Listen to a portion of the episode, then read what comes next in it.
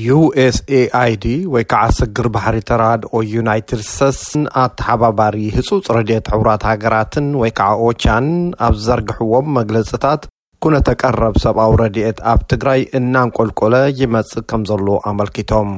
ኣመሓዳሪት ዩኤስኤኣይዲ ሰማንታ ፓወር ትማሊ ኣብ ዝዘርግሐኦ መግለፂ ብኣማኢት ኣሽሓት ዝቑፀሩ ሰባት ንጥምየት ኣብ ዝተቓልዑላ ክልል ትግራይ ዘለዉ መኻዝኖታት ረድኤት ተፀንቂቖም ኣለዉ ምባል ይከኣል እዩ ኢለን። ኣብዚ ሰሙን እዚ መግለፂ ዝሃቡ እቶም ትካላት ረድኤት ናብ ዘድልዮም ሚልዮናት ህዝብታት ዘቕርብዎ መግቢ ከምዝወድኡ ይገልፁ ኣለዉ።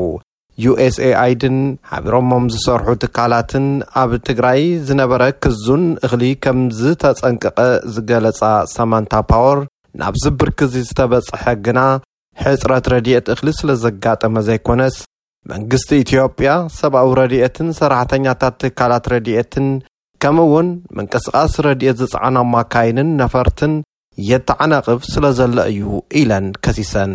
እዚ ከምዚ ኢሉ ከሎ ሎሚ መግለጺ ዝሃበት ሓላፊት ፕረስ ቤት ጽሕፈት ቀዳማይ ሚኒስተር ኢትዮጵያ ዝኾነት ቢልእለኔ ስዩም፣ መንግስቲ ናብቲ ክልል ንዝኣትዉ ኣገልግሎት ረድኤት ምቹእ ኩነታት ይፈጥር ከምዝጸንሐ ብምግላጽ ነቲ ክሲ ነጺጋቶ'ላ። ከምዚ ትብል ንሳ።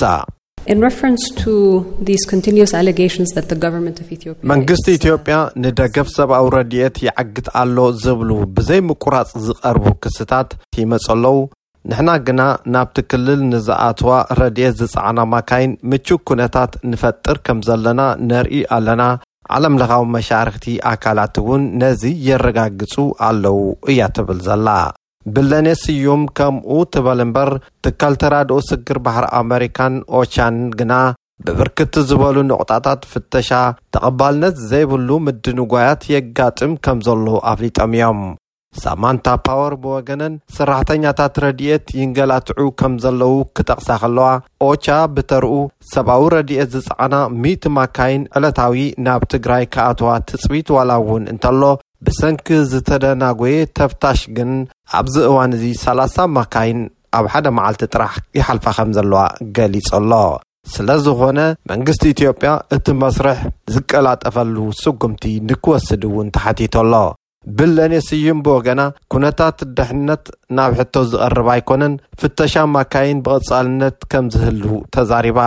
መንግስቲ ብወገኑ ኣብ ከይዲ ዘጋጥሙ ዕንቅፋታት ንምውጋድን ነቲ ከይዲ ንምቅልጣፍን ምስ ዝምልከቶም ኣካላት ክሰርሕ እዩ ትብል።